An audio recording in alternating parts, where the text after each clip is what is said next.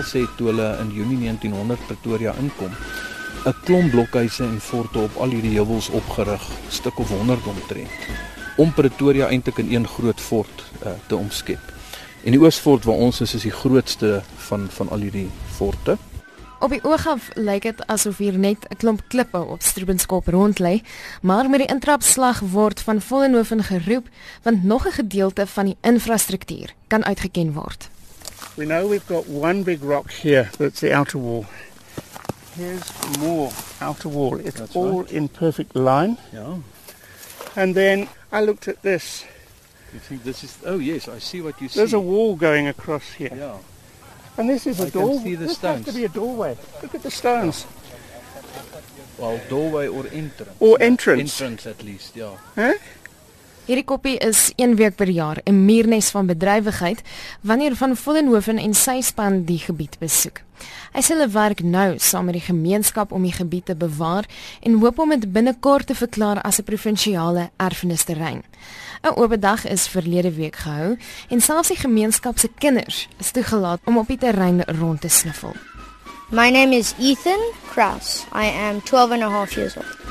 We have found what we believe to be a post in which they would plant a pole so that the roof could be held up in the shelter. And I've also seen a lot of things like buttons or mm-hmm. nails. Did you find anything like that? No, we didn't, but we have found a few nails. My brother found one of them, and I'm quite irritated with him because I had been looking there the whole day, and then he gets there, and then he just sees it lying on the ground. Are you the brother who found the nail? Yes. What's your name? Um, Dylan Kraus. And Dylan, how did it feel to find these things? Was it easy to see it? Um, no, not really. But I actually was quite happy when I found something because it looked like a stone, and when I lifted it up, it was actually a piece of sand that held together. And then I saw a piece of glass, old glass in it. So Okay, what's your name? My name's Caleb. I found two things a nail and I found a screw. That's amazing. And this is the first time I've been here. So you think you're going to find a lot more other things? Yep. Die kamer se fondamente is intussen ontbloot en is nou hier waar die meeste opgrawings gedoen word. Van Vollenhoven sê hulle het voorwerpe ontdek wat 'n duidelike prentjie skets van wat in elke gebou gebeur het. Hier is 'n klomp patroonpunte en van die agterste gedeelte, die doppie van die patrone. Ons kry meestal hierdie um 303. Um so nou en dan kry ons 'n Martini Henry patroon. Hulle is bietjie groter. Ons het hierdie jaar net een gekry. Ons kry van die uniformknope. Hierdie is die wat op die baadjies was. Jy kan die Britse wapen daarop sien. Maar hier's 'n baie interessante fonds. En as dit is wat ons dink dit is, dan is daar geen twyfel dat hierdie die offisiersvertrek is nie. Dit lyk net soos 'n oranje blob, weet nie wat nie. Maar Lyk ons glad nie soos enigiets wat herkenbaar is Ja. vir my nie. vir ons lyk dit soos uh daai tipe waskerse wat jy gebruik om briewe mee te seël. Ons dink dis wat dit is. En net 'n offisier sou dit gehad het. Die gewone manskappe sou dit nie gehad het nie. Baie van die gewone manskappe in die Britse leer kon glad nie lees of skryf nie. Ehm um, so ons is uh, baie opgewonde hieroor, maar ons sal nou moet 'n plan bedink hoe om seker te maak daarvan, om dit te toets. Ek is nie seker hoe ons dit gaan doen nie. Want Ehm, dit is was. want dit is was, ja. Hier uit 'n ander houertjie bring hy 'n klomp pennetjies en speltjies tevoorskyn. Jy kan duidelik sien daar's 'n gaatjie agter om 'n pennetjie deur te trek. Dis 'n 8. So dit kan nou dalk weet die die 8ste infanterie eenheid of so iets gewees het. Dit sou op die uniform vas gewees het. En hierdie een het ons so gekry met sy 'n uh, pennetjie agter hom wat duidelik 'n V is.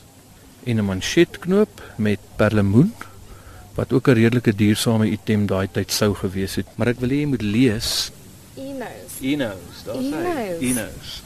Dis die Enos proppe van daai tyd. 'n Pragtige glas een. Ja.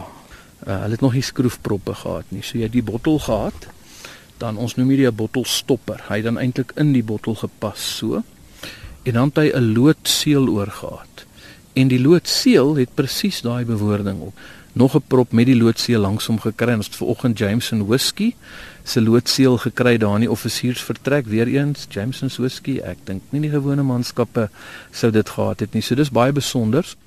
En hoewel daar geen geskiedkundige aantekeninge is van 'n onder ons hier by die fort nie, is daar 'n aanduiding dat hier wel 'n skietery plaasgevind het. So mense dink maar wat gebeur het is dat een of ander boere spioen dalk in die dorp ingekruip het om iets te kom doen. En toe hy uitkry besluit het wel julle Engelse kon my nie vang nie. Ek gaan 'n paar skote op julle afvuur, maar hy moes 'n paar keer reg gekry het want ons het heelwat van daai patroonpunte. En hulle sou nie dalk hier geoefen het. Hulle sou dalk geoefen het, maar ek kan nie dink dat hulle dit binne in die fort sou doen nie want die struktuur is te klein. So weer eens, dit maak nie heeltemal sin om om gebruikte patroonpunte hier te kry nie, maar dis sekerlik ook 'n moontlikheid.